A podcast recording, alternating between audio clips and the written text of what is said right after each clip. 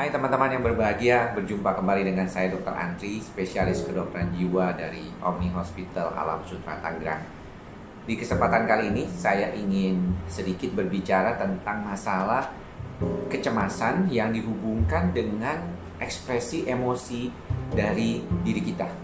Nah, menariknya adalah banyak orang yang mengatakan, banyak pasien juga yang mengatakan bahwa susah juga ya dok jadi orang yang mengalami gangguan kecemasan. Sedih salah, gembira salah, tegang salah, rileks kadang-kadang juga bingung gitu ya. Jadi sepertinya serba salah seperti itu beliau eh, para pasien mengatakan. Uh, yang paling sering harus saya tekankan di awal adalah pada kondisi kita yang cukup stabil ya, cukup nyaman dengan keadaan kita.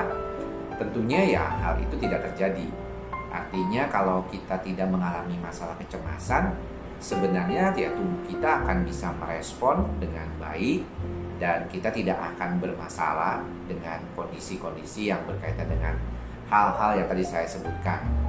Artinya emotionally, secara emosional kita itu bisa beradaptasi dengan segala situasi kondisi itu.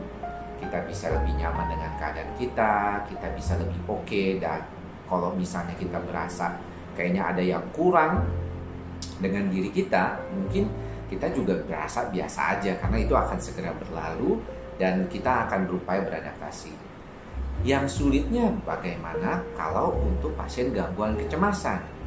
Saya pernah beberapa kali juga berbincang ya dengan beberapa pasien yang mengatakan mereka bingungnya adalah pada saat mereka tuh bergembira, mereka mengalami excitement ataupun uh, kenyamanan, kegembiraan lah intinya ya ada sesuatu yang mungkin dapat hadiah, dapat uh, kejutan dari teman gitu ya. Mereka juga mengalami cemas gitu. Jadi kenapa nih dok kok saya jadi berdebar-debar gitu. Nah itu saya bilang, maksudnya apa dok? Itu intinya adalah berdebar-debar. Jadi teman-teman mungkin ketika kita mendapatkan berita yang baik, yang mengejutkan, yang membuat kita happy, itu ada perasaan exciting yang keluar ya. Uh, hormon endorfin kita meningkat, namun sering kali juga adrenalin kita meningkat karena kan ada situasi di mana membuat kita nyaman gitu ya. Adrenalin itu kan kadang-kadang kita mau cari excitingnya gitu. Sayangnya pada pasien cemas atau orang yang punya bakat cemas, adrenalin yang meningkat itu, endorfin yang sedikit meningkat itu malah menyebabkan adanya reaksi susunan saraf otonom terutama di jantung yaitu berdebar-debar. Dan kalau berdebar-debar, pasien cemas itu sudah khawatir duluan. Ya, mereka merasa waduh, ini kenapa nih kok berdebar-debar gitu ya. Beberapa kasus memang dikaitkan dengan aktivasi dari sistem nervus vagus atau saraf vagus lainnya sehingga menyebabkan gejala-gejala lain selain berdebar-debar seperti kayak spasm kaku ya rasanya tegang seperti itu. Kemudian ada sedikit nggak stabil atau nggak seimbang gitu ya. Jadi nggak heran ketika teman-teman yang bilang bahwa mereka mendapatkan begitu banyak kegembiraan pada hari itu tapi kok merasa malah merasa cemas ya jadi afeksi emosional ini yang sering kali berbeda untuk setiap orangnya akan juga mempunyai respon yang berbeda. Nah, pada pasien-pasien cemas, lalu apa yang bisa disarankan untuk bisa menjaga stabilitas eh, dan kondisi yang kondusif yang terkait dengan hal tersebut adalah dengan bagaimana kita belajar untuk mengelola perasaan dan pikiran kita dan belajar relaksasi ya karena relaksasi ini adalah salah satu cara yang paling sering di uh, apa ya kalau, kalau kita bilang tuh disarankan lah untuk pasien-pasien. Kenapa?